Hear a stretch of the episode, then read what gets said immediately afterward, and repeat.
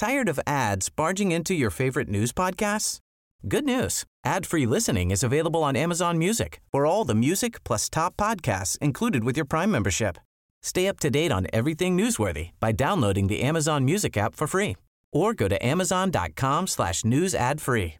That's amazon.com slash news ad free to catch up on the latest episodes without the ads. Finding your perfect home was hard, but thanks to Burrow, furnishing it has never been easier. Burrow's easy to assemble modular sofas and sectionals are made from premium, durable materials, including stain and scratch resistant fabrics. So they're not just comfortable and stylish, they're built to last. Plus, every single Burrow order ships free right to your door. Right now, get 15% off your first order at burrow.com slash ACAST. That's 15% off at burrow.com slash ACAST.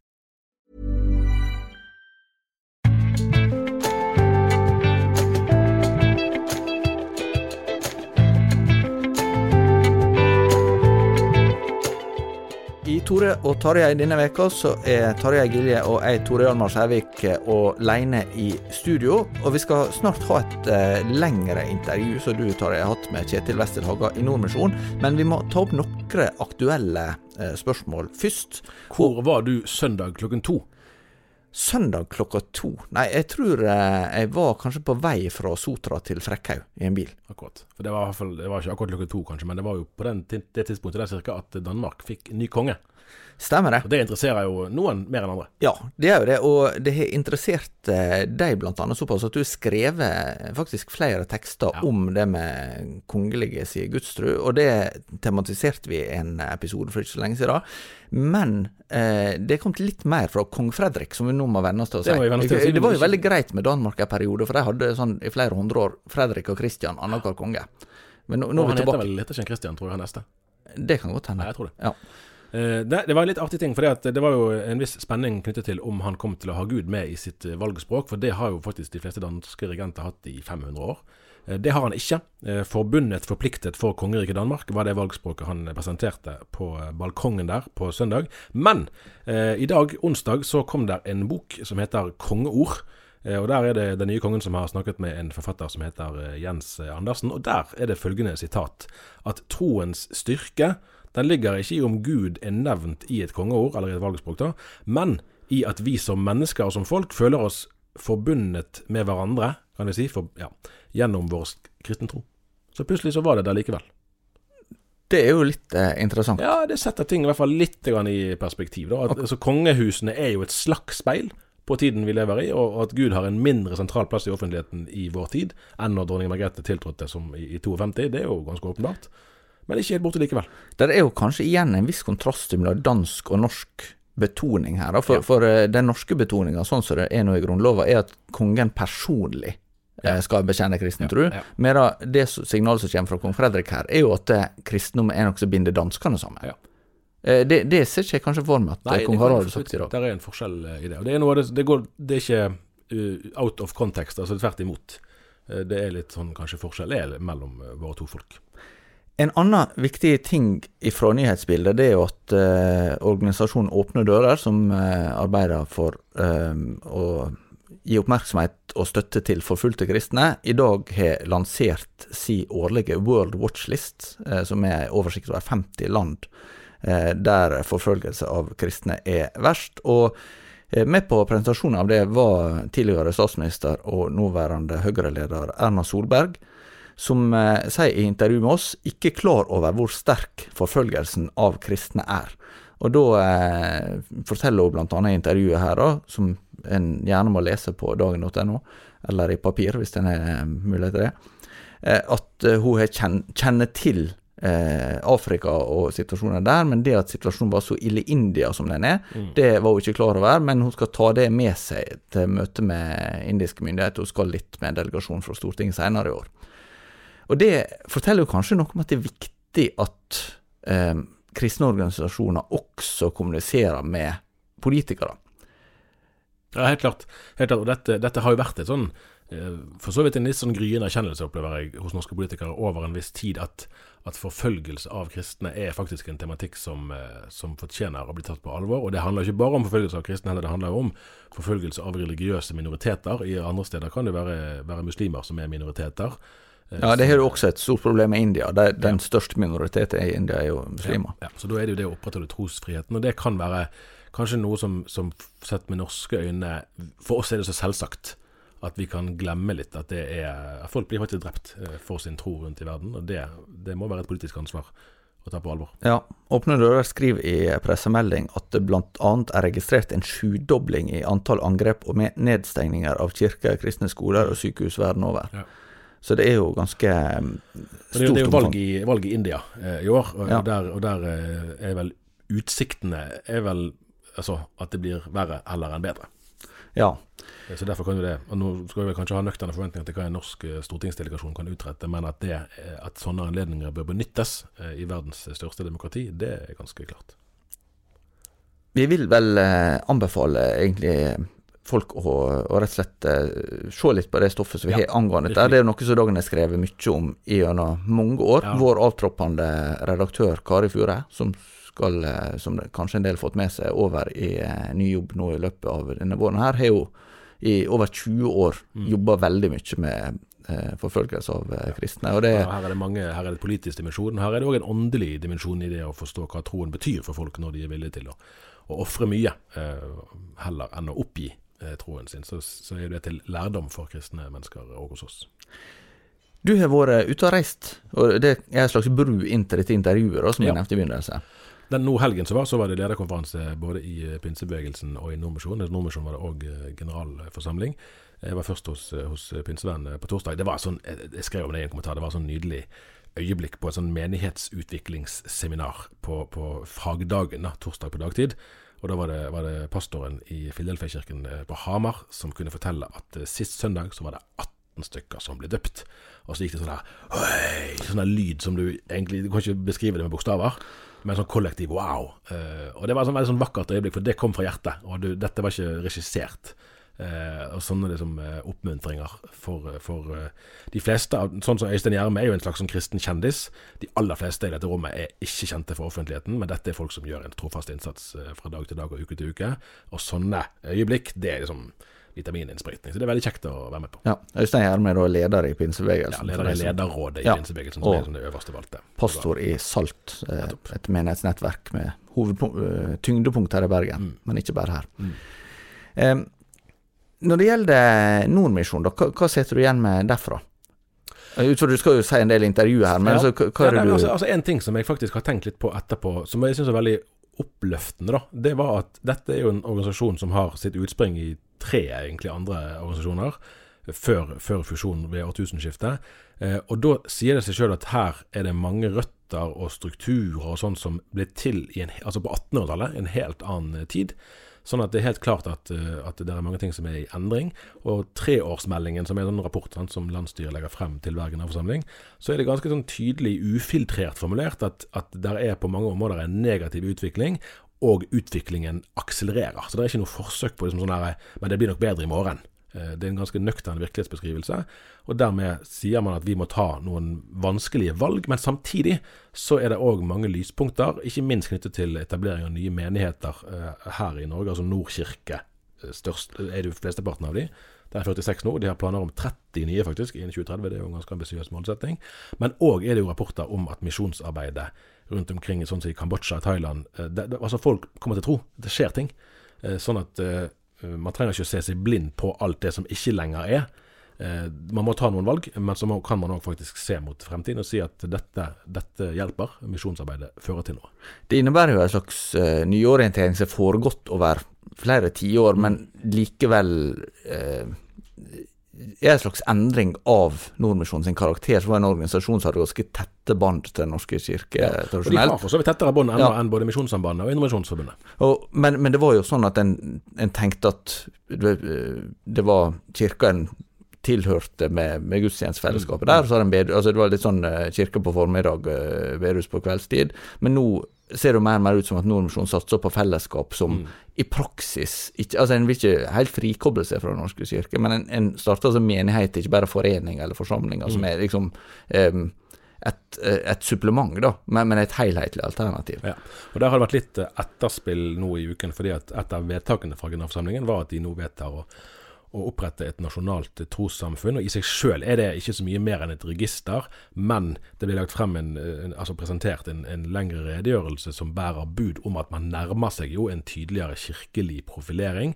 og Dette har jo ført til at preses i Norske kirke, Olav Fykset Tveit, denne uken eh, ber om en forklaring på hva er dette her for et vedtak egentlig, hva skal det faktisk uh, bety. Og sånn, Et fint trekk, syns jeg, uh, i, fra, fra, det intervjuet som straks kommer nå, er når, når Kjetil Westel Haga sier han hadde helst sett at det var mer debatt, altså på generalforsamlingen. Du kan tenke at toppledere er mest tjent med at det er minst mulig debatt, for da er det lettest å få ting igjennom. Men det er veldig sånn flott på en sånn arena at det er faktisk rom for at misjonsfolket, delegatene, deltakerne, skal få ytre seg. Og her, i denne saken her så er det ulike meninger fra presten i Storsalen i Oslo som, som sier at det her vedtaket er begynnelsen på kirkesplittelse, til andre deler av organisasjonen som nok eh, med glede ser at man kutter bånd til Den norske kirke. Og så får disse ulike synene komme til orde for åpen scene, åpen mikrofon med både høy og lav stemme. Eh, og der kan man forholde seg eh, til det, og det er en åpenhet uh, i det som skjer. Det, det syns jeg er en innstilling som flere kristne sammenhenger kunne lære av. da. Hva er likt og forskjellig i Nordmisjonen og pinsebevegelsen? Tilsynelatende, sånn ytre sett, eh, så tror jeg mange vil si at det er likere enn det var før, i stil og form. Man er flinke med kommunikasjon, er ganske bevisste på kommunikasjon. Det er ikke sånn lange foredrag, det er bilder og små intervjuer her og der, og det er visuelle hjelpemidler på ulike måter. Eh, og faktisk så er eh, organisasjonene òg litt parallelle i at de er både indre- og ytremisjonsrettede. Pinsebevegelsen driver òg et ganske stort misjonsarbeid. Det er kanskje ikke så godt kjent for liksom, kristenheten i sin bredde, men faktum er jo at Pinsemisjonen ut, eh, er blant de som sender ut flest misjonærer. Eh, sånn at, sånn at, det er ganske mye som er, som er felles. Og så er det jo selvfølgelig en, en forskjell i, i, luthersk betoning med barnedåp og voksendåp og det som følger med det. Eh, og så er kanskje altså Pinsevenn er jo litt mer eh, ja, hva skal jeg si, moderne, kanskje, selv om nordmenn er absolutt moderne. Eh, Pinsevenn er kanskje enda litt mer opptatt av å være moderne, og moderne, altså popkulturelle. da. Eh, at det er en viss forskjell i, i stil som du merker liksom på desibelnivået og ja, noen sånne uttrykksformer hvor du er. Men egentlig så, så eh, legger man kanskje mer merke til likhetene enn forskjellene. Da kommer altså intervjuet som dere Tarjei har gjort med Kjetil Westel Haga. Så eh, Kjetil Vestel Haga, du er altså født i 1970, gift med Kristin og har to voksne barn. Du har studert teologi, er ordinert prest. Dere var misjonærer i Ecuador fra 2005 til 2009. Du var rektor på bibelskolen i Grimstad i ni år, før du begynte som generalsekretær i oktober 2020. Det var mye livshistorie på kort tid. Ja, Det var imponerende. Du glemte bare en liten ting, og det var jeg var også forsamlingsleder som det heter, i det som heter Nordkirken eh, Grimstad i halvannen til to år før jeg ble rektor. Nettopp. Det må, ja. vi må ha ting på plass her. Eh, Vestel, er det, jeg prøvde, er det på Google Maps? Jeg fant det noe i USA som eh, Nei, du, det, det, er fra, min, eh, min, fra morssida, og det er vel egentlig min bestefar som var fra Mærdø. Ja. Og jeg lurer på om de utafor Arendal, og de het vel opprinnelig Vestøl, men ja. så var det litt penere med Vestel. Så ja, det er der det ligger. Men det kommer fra Vestøl, det er et stedsnavn, det er ikke et mellomnavn? For det, sånn. Ja, jeg tror det. Det var ikke en traff på navn heller, nemlig, når jeg skulle prøve å sjekke. Nei. Nei, men da har vi avklart det. for det er fra Mandal du egentlig er? Ja, min, min far han er fra Audnedal opprinnelig. Det er navnet kommer fra. Så det er Mandal, der er røttene mine. Ja. Og så er det altså sånn at Du har nå stått i spissen for din første generalforsamling med fysisk oppmøte, for du begynte i oktober 2020. Ja. Eh, men da var det digital generalforsamling i 2021. Eh, ja. Men nå har du vært her i noen dager i Stavanger i Imi-kirkens lokaler. Hva har vært eh, høydepunktet? Jeg tror at eh, altså, det er flere høydepunkt, men det aller viktigste tror jeg er altså å få møtt folk fysisk. Vi opplevde det i fjor også når vi hadde bare mer-konferansen. Men det at eh, å komme sammen, det er utrolig viktig. Den relasjonelle delen av det med nordmisjonsfolket, det er veldig viktig. Og så syns jeg nok at for min egen del også at det er en del av sakene vi nå har jobba veldig lenge med, som er godt å få landa. Den trossamfunnssaken f.eks. Ja. har vi jobba veldig lenge med. Veldig godt å få landa den. Og var veldig glad for at det ble sånn tydelig si sånn, For meg personlig er ikke den saken så viktig, for jeg har mm. tenkt å, å, være ordinert prest i Den norske kirke mm. videre. Mm. Men for mange er den viktig, og det å kunne liksom få et så tydelig mandat på sånn uh, bare 17 stemmer mot, altså det, det gjør Av 308, ja, er det det? Ja, noe der omkring, i hvert fall. I overkant av 300. Og da, da er det et tydelig mandat. Ja. Og så har vi jobba veldig lenge med strategien også, mm. og det å kunne få landa den og si nå er vi der, det, det kjenner jeg som en lettelse. Ja. Altså Sånne misjonsgeneralforsamlinger er jo en egen sjanger, og der er lange historier og der er mye tradisjon eh, inne i bildet. Men så er det jo tidene skifter og debattkultur skifter osv. Eh, dere har åpenbart jobbet mye med å presentere sakene. Eh, det har vært lagt frem videoer, det har vært intervjuer. Dere har jobbet med pedagogikken i selve det å få en felles forståelse av både muligheter og utfordringer. Hvordan opplever du det å skulle til daglig da, sitte på et hovedkontor, forvalte en 150 år gammel arv på vegne av mange mennesker der ute som du kanskje hittil da aldri har møtt, men som har vært engasjert i misjon i mange tiår? Ja, jeg tror en av fordelene mine i den jobben jeg har, og heldigvis også da jeg begynte da alt stengte ned, er at jeg har jo vært stort sett i denne organisasjonen i mange roller, mm. som, som, både misjonær, som bibelskolelærer, som uh, forsamlingsleder, uh, som rektor. Og det betyr at jeg kjenner mye folk. Eh, og, og, sånn sett så, så oppleves det å, å, komme hjem til folk som du kjenner. Jeg kjenner ja. mye folk både nasjonalt og internasjonalt. Jeg har møtt de tidligere på internasjonale konferanser også, sånn, så, så, det er jo et pre. Men, men, det er klart, eh, den stillingen jeg har er jo også en litt sånn, hva skal jeg si, en litt sånn eh, Det kan fort bli en litt sånn Messias-stilling. Du skulle vært allestedsnærværende. nærværende. sant? Men det så langt helliggjørelsen ikke kommet? Nei, heldigvis. Og det er bare én som kan være allestedsnærværende, nærværende, så eh, ja, altså, jeg blir jo også spent, selvfølgelig. Jeg liker jo å møte mennesker, men på den annen side så blir jeg jo spent på en del av møtene når jeg vet mm. at det er spenninger, men det, sånn er det. Jeg lever bra med det. Ja. Men Hvordan syns du debatten har vært? Jeg, jeg, jeg, jeg, er glad i debatt, egentlig. Jeg er veldig lite glad i sånn sandpåstrøing, eller mm. der på en måte folk ikke opplever at de skal komme til orde. Så jeg syns egentlig at uh, folk er forskjellige. ikke sant? Så når jeg sitter og vurderer ting, så tenker jeg ja ja, det ble sagt sånn, det ville ikke jeg uh, sagt på den måten. På en annen side så respekterer jeg at folk er forskjellige. så Kort fortalt så syns jeg jeg er fornøyd med debatten. Mm. Eh, det måtte være det at jeg kunne egentlig ønske meg enda mer temperatur. Jeg liker når folk Ja, for det var egentlig det var få ganger der det var liksom ja. nerve i ordskiftet. Ja, for jeg forsøker egentlig Ikke fordi vi trenger ikke lage støy, men jeg syns det er veldig viktig for meg at folk kjenner at de skal komme til orde. Ikke minst i de vanskelige sakene. Mm. Vi hadde litt tilløp til det i dag, ja. eh, altså sånt høyt engasjement. Ja. Men da blir jeg egentlig bare glad for at ja. det kommer ut. Mm, mm. Du, for de som syns det er litt vanskelig å holde oversikt. Eh? Det lutherske organisasjonslandskapet har vært en viktig del av Kristen-Norge i, i, 150 år omtrent. Eh, hvordan vil du enkelt beskrive Nordmisjon sin egenart, og i sammenlignet med Misjonssambandet, Indremisjonsforbundet og for så vidt òg eh, NMS? Jeg skulle gjerne kunne gitt et presist og godt svar på det, for det tror jeg egentlig flere av oss i organisasjonen lurer på. Hva er det som er forskjellen mellom mm. oss? Um, men jeg tror at uh, Nordmisjon har en, om ikke unik, men iallfall en litt annen plassering i kirkelandskapet enn f.eks. NLM og IMF, som er våre gode venner. Mm. Jeg jobber veldig godt med, med, med, folka i begge, og er glad i de. Uh, også NMS, men vi er kanskje et sted imellom imellom der. Altså vi er, vi er, NMS er kanskje enda tettere på Den mm. norske kirke, men vi, det er mye folk hos oss som er mange ordinerte prester har bakgrunnen sin der, og det må vi ta godt vare på. Det gir oss en unik mulighet, og samtidig så, så har vi jo blitt mer selvstendige også, selv med en del av disse menighetene.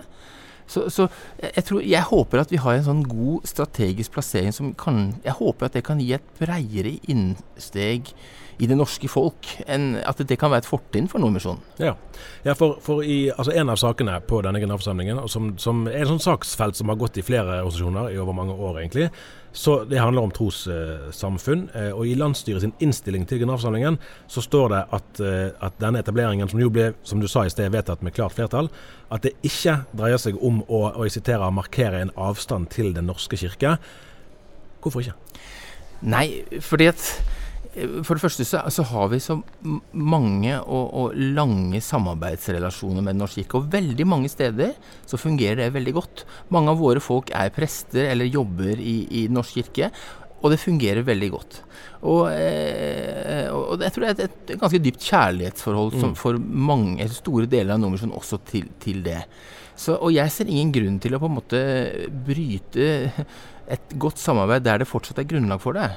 Vi har et veldig Det er interessant, for vi har Eh, de siste halvannet år så har vi hatt uh, jevnlige samtaler med Den norske kirke. og de har vært veldig, Da er det liksom toppnivået. Det er uh, både Olav Fykset Tveit, det er Kristin Gunnleikstur og Som preses og kirkerådsleder. Ja, og, og, og, og direktør også, Ingrid Wad Nilsen. og det, det, har vært veldig gode samtaler, men da har forutsetningen også vært det at når vi snakker sammen, så, så, så, respekterer de også at vi har andre teologiske mm. synspunkt, et, et klassisk syn i noen av disse sakene. Og det har vi blitt møtt veldig på.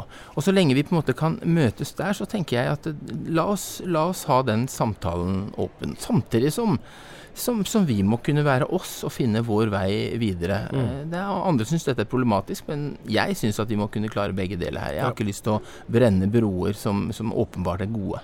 Nei, for da er det på en måte, en, hvis jeg forstår det rett, en, en redd sånn pragmatisk vurdering av at der lokalt eh, presten og menigheten er av en sånn eh, altså posisjon at det er mulig for, naturlig for nordmisjonen å samarbeide, så er det greit. Mens eh, kirkemøtet og de, både bispedømmer og, og lokalavdelinger der profilen blir såpass forskjellig, så er det ja, jeg tenker, det, og det, det, må vurderes litt sånn fra sted til sted. Og sånn har det egentlig alltid vært. Mm.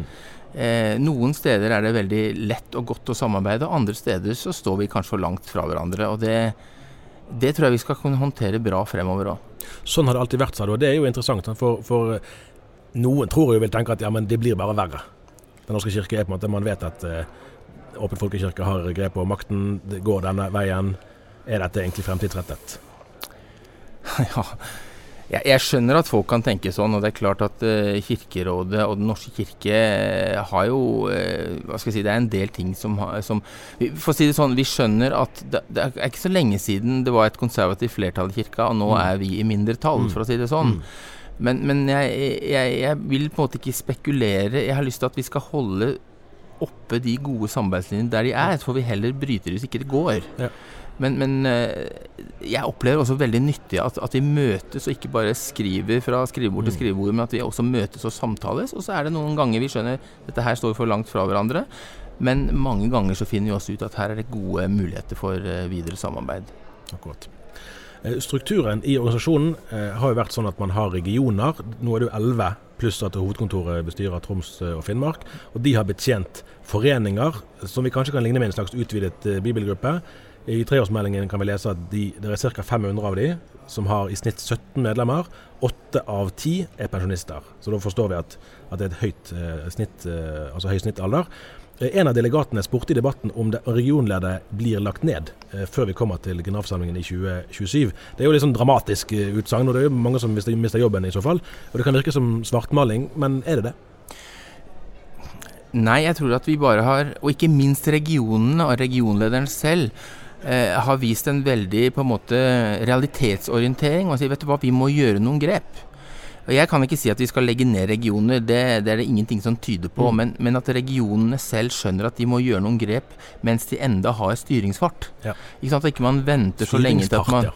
ja, ikke sant. Altså, at Noen ganger så, så, blir handlingsrommet Du venter så lenge til at ikke det er noe mye, og så må ja. du legge ned. Men det, jeg opplever at regionen, særlig regionlederne faktisk, at de ikke har skjønt at vet du hva, vi må ta noen grep, og så skal vi gå de veiene sammen. Mm. Og så må vi finne konstruktive Hva som blir konsekvensene, det er for tidlig å si. Jeg er mest fornøyd egentlig med at, det, at man har tatt inn over seg at her må vi gjøre endringer. Ja, ja.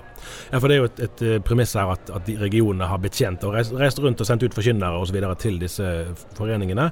Og når de blir færre, så blir jo behovet for, for eh, forkynnere omreisende færre. Og så er jo saken òg på den andre side at Nordmisjonen har per i dag 46 eh, menigheter, som i snitt har 130 medlemmer. Og de har gjerne òg egne ansatte, sånn at de trenger ikke så altså på samme måten bistand fra, fra regionen. Eh, så har dere vedtatt å etablere 30 nye menigheter innen 2030. Det ble jo poengtert her i ettermiddag at det har ikke vært debattert i det hele tatt. generalforsamlingen, Men det er jo egentlig et ganske ambisiøst mål. altså Fra 46 ja. og så 30 nye, det er jo i prosent en ganske stor økning ja. på seks år. Ja, det er det. Og jeg har også utfordra gjengen i Misjonen i Norge på skal vi virkelig sette det så høyt. Har det ikke mm. vært bedre å satt 20 og så, og så komme til 20, eller og 30 og feire det enn å sette 30 mm. og så blir det 20? Men de har nå gjort vurdering på å si ja, men sammen så skal vi klare dette. Vi ønsker å jobbe mot det. Og det, det, det er klart det, det var Ingebrigtsen Jensen ville sagt at det var et hårete mål. Ja, ja. Ikke sant? Eh, men, men, det er uttrykk for at vi, vi, skjønner at vi også trenger en fornyelse. Og det, en menighet trenger jo ikke være nødvendigvis at det skal være 130 personer. Mm. Men at vi begynner med å etablere nye fellesskap. For det trengs. Det trengs. Og så er det viktig for oss også at ikke vi bare skal tenke type Nordkirke, men vi trenger også en andre type fellesskap eh, som er skal vi si, som passer inn i vår tid. da. Eh, for for ære være disse tradisjonelle foreningene, og mange av de går veldig godt enda. Ja. Men, men skal, de har fortsatt sin tid også, mm. men, men, for nye generasjoner så har de på en måte hatt sin tid. Ja, For det rekrutteres vel nesten ikke? Jeg vet vel knapt om et eneste eksempel på nyetablering av tradisjonelle ja. foreninger. Og det, det, må vi på en måte ta inn over oss. Så veien der, det, er det, vi skal, det jobber vi veldig aktivt med nå. Akkurat. I uh, strategien som ble vedtatt, altså, så heter det òg i en annen avdeling av den at uh, dere skal satse mer tydelig på unådde. Og så må man ikke være ekspert i misjonsvitenskap for å forstå at skal man kunne introdusere evangeliet på et sted der det ikke allerede er kjent, og der befolkningen gjerne har en annen kulturell og religiøs uh, bakgrunn, da vil arbeidet kreve tid. Hvordan går det målet sammen med den trenden som òg helt tydelig sier at det er færre som vil forplikte seg til lengre perioder som utsendinger? Ja, det, det, er et godt spørsmål. Og, og vi, vi må, må, også se litt i organisasjonen på hvordan vi jobber, hva vi har kapasitet til. Jeg tror at vi, vi skal ikke slutte å sende misjonærer, og det ble veldig tydelig poengtert dette med rekruttering og, og, at vi ønsker å ha utsendinger. Eh, og det, det, skal vi ha, men vi må bruke klokskap her også. fordi at eh, vi må se også på Skal du inn på et helt nytt land, så snakker vi om 30 år. Mm. Eh, da må du ha tilstedeværelse over lang, lang tid. Og vi, vi er ikke 100 misjonærer lenger. Vi er 18 pluss 10 på internasjonale mm, vilkår. ikke sant? Også, og, og, jeg ser at mye det, det, er veldig Vi blir veldig positivt utfordra på det å jobbe med partnere med de utsendingene de har. At rollene skifter. Ja. Uh, og her, her, trenger vi også å, å, å, jobbe annerledes enn før. At vi lar oss utfordre. Ja, men skal vi, vi skal ha utsending, men skal de jobbe som de en gang har gjort? Eh, og så må vi eh, også jobbe med dette her med, med tidsperspektivet. Det, det, er utfordrende, rett og slett. Altså, vi har ikke løsningen på det, men eh, kan vi også få til mer sånne sør-sør-relasjoner her, ja. altså mellom landene våre? Det, der er, har det åpna seg noen spennende muligheter som vi har lyst til å sjekke nøyere. Akkurat. Ja, noe av det som jeg syns var, var, interessant å følge i debatten, er jo den nerven du møter på da noen ivrer veldig for, for den bestemte folkegruppen, og så kan da misjonslederen sitte på kontoret og si at ja, men da må vi gjerne gjennom to-tre språkkurs for å kunne fungere. Skal vi bruke tre eller fire eller hvor mange år? Og så kanskje går det to år, så reiser de hjem igjen. Det er ikke fornuftig bruk av ressursene. Nei. Men hjertegløden for dette folket, den er jo likevel. Ja.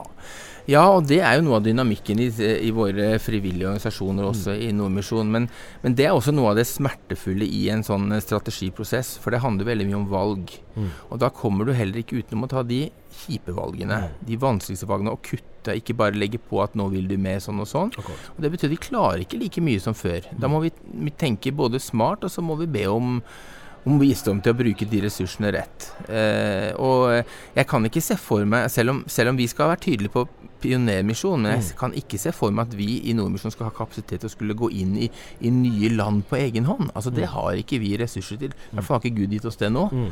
Så, så, det er klart, her utfordres vi, og det vil bli noen tøffe valg på det. Ja, ja. Så, så er man, altså De som er i Norge og brenner for misjon i utlandet, bor jo òg i Norge og har antagelig en interesse uh, i, i, det som skjer her. Uh, og et spørsmål som blir mer og mer aktuelt eh, i flere sammenhenger, er jo hvordan f.eks. Nordmisjonens erfaringer fra det å ha arbeidet i andre land og kulturer være en hjelp, en ressurs i misjonsarbeidet her, der vi på den ene siden skal markere ved flere anledninger nå 1000 år med, med, ulike sider av kristen historie, samtidig som færre oppgir at de tror på Gud. Vi er på en måte i en misjonssituasjon i Norge. Mm. Hva kan da andre lære av Nordmisjonen der? Hm. Ja, Det er også et godt spørsmål. For jeg tror også at i Nordmisjonen så trenger vi også Vi har vært veldig gode på liksom, kontekstualisering. At når vi sender ut uh, utsendinger og misjonærer, så bruker man lang tid på å tenke hvordan skal jeg i, gå inn på språk, kulturforståelse, alle disse tingene her. Men, men, men, det er ikke sikkert at vi på en måte har hatt en tydelig nok si, bevissthet om det i vår egen kultur. Mm. Jeg, jeg, opplever nok at det er en, en gryende erkjennelse mer og mer om at vi, vi lever i et av verdens mest sekulære land. Mm. Men, men, det er fort for oss også å tenke at ja, men vi holder på med misjon der ute, og så er det høver og storm der ute, er det fredfullt og tyst mm. på bedehuset. ikke sant? Mm. Og, så, og, så, og, så, klarer vi ikke å komme ut til vår egen kultur. Det, det, er utfordrende. Og jeg tenker Det var noen gode innspill også her i dag på dette med, med godhet i diakonien. At vi, kanskje vi må hva skal vi være kjent for? Jeg syns det er kjedelig at vi spurt bare hver gang det kommer sånn samlivsetiske ja. spørsmål. Istedenfor Nordmisjon, ja, det er de som driver med godhet. Det er de som, mm. som bryr seg om mennesker. ikke sant? Der er Frelsesarmeen f.eks. har et fantastisk flott omdømme. Jeg skulle mm. gjerne sett at vi også ble kjent for at vi er de som møter mennesker og når ut til våre egne, for de kjenner vi jo best. Akkurat.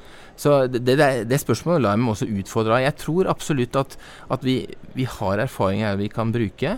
Men, men, noe av det mest spennende det er faktisk ikke bare hva våre egne kan gjøre, men vi ser jo at mye av det som skjer i andre land, f.eks. i Thailand eller Kambodsja, disse tingene som skjer, det, de historiene trenger vi å høre her. Og når jeg møter eh, f.eks. Eh, Vi har på besøk av en som heter Tanon nå fra Nexus Church i Bangkok, mm. så tenker jeg de ligger langt foran oss i forhold til digitalisering, i forhold til hvordan de nærmer seg mennesker over hele jorda, som er eh, eh, thailandske folk over he hele jorda. Her har vi mye å lære. Så, så, kan vi snu dette her med at ikke det bare er vi som skal bidra fra Vesten til resten, men at vi nå får, begynner å øve oss på hva kan de bidra med, hva, hva kan Gud gjøre mm. fra sør til og opp til oss. Ja. Det har jeg egentlig ganske store forventninger til. Akkurat generalsekretær i Nordmisjonen. Det er jo en, en, en uh, Nå er jo ikke Nordmisjonen så gammel, men, men, de som lå bak er jo veldig gamle. Og det er jo en rolle da, som det gjerne enda mer før var knyttet bestemte forventninger til. Uh, F.eks. kan det være at du burde jo engasjere deg mer offentlig i debatter. Du burde uh, tone flagg i spørsmål om som du sa, kjønn og samliv. Du burde kanskje tone flagg i spørsmål om klima, om abort, for å bare nevne noe. Eh, for å si det sånn, litt misformulert, er det å engasjere seg på de arenaene er det en del av det å vitne om Jesus, eller frykter du at de debattene heller kommer i veien for å kunne snakke om Jesus?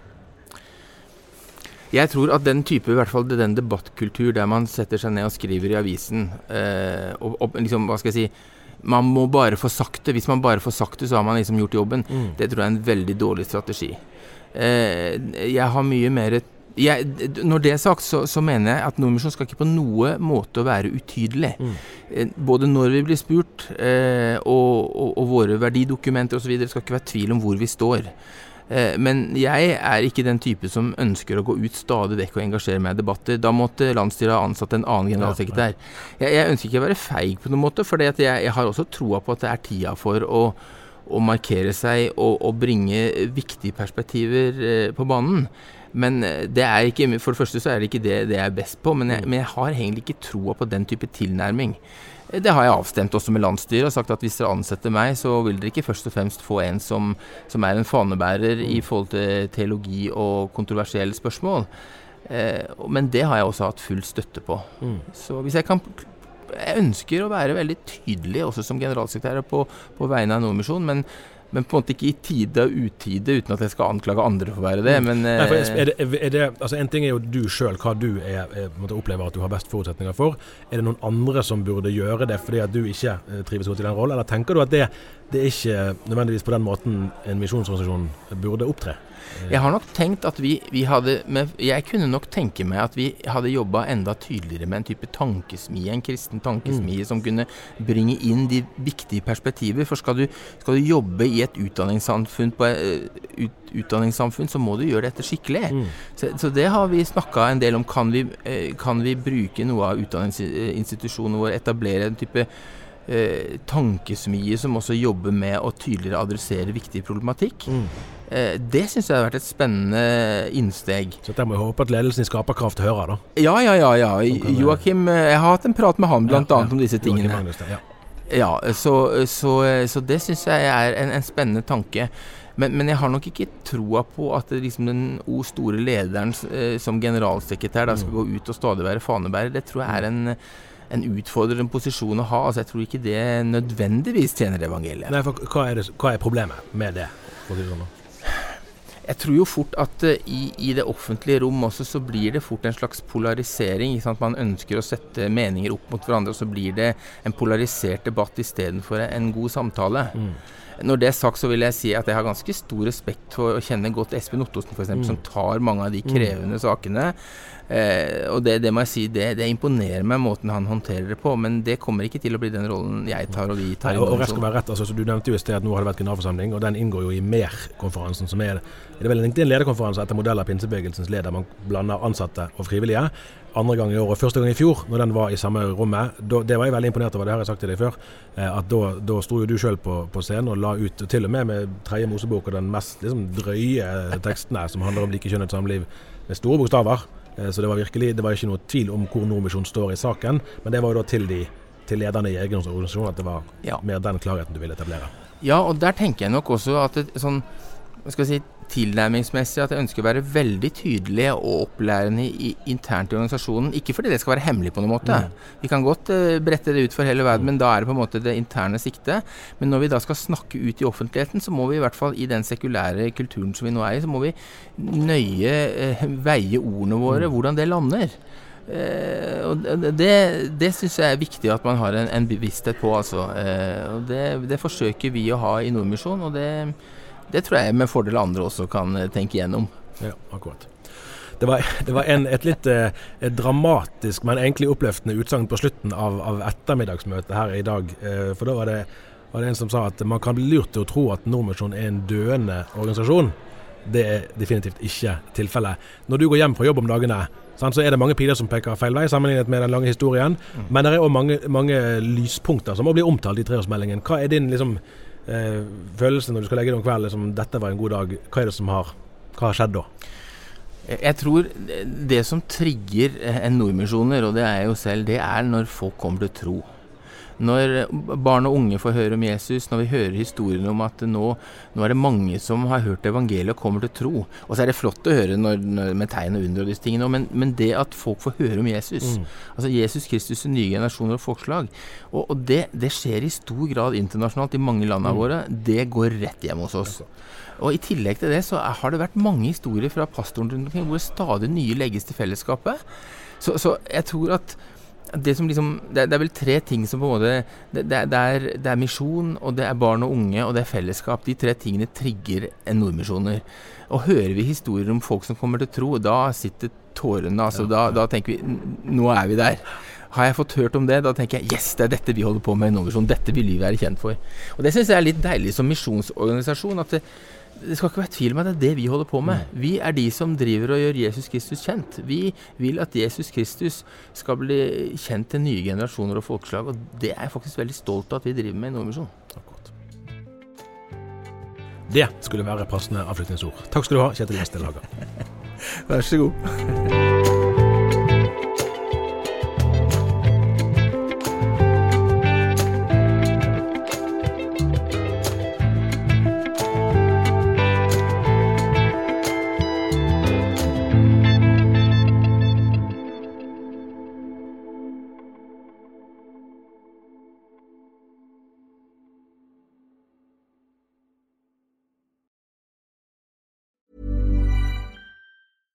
Selling a little or a lot? Shopify helps you do your thing however you cha-ching. Shopify is the global commerce platform that helps you sell at every stage of your business. From the launch your online shop stage to the first real life store stage, all the way to the did we just hit a million orders stage. Shopify is there to help you grow. Shopify helps you turn browsers into buyers with the internet's best converting checkout. 36% better on average compared to other leading commerce platforms because businesses that grow grow with Shopify. Get a $1 per month trial period at shopify.com/work. shopify.com/work. Tired of ads barging into your favorite news podcasts? Good news. Ad-free listening is available on Amazon Music. For all the music plus top podcasts included with your Prime membership. Stay up to date on everything newsworthy by downloading the Amazon Music app for free or go to amazon.com slash news ad free. That's amazon.com slash news ad free to catch up on the latest episodes without the ads.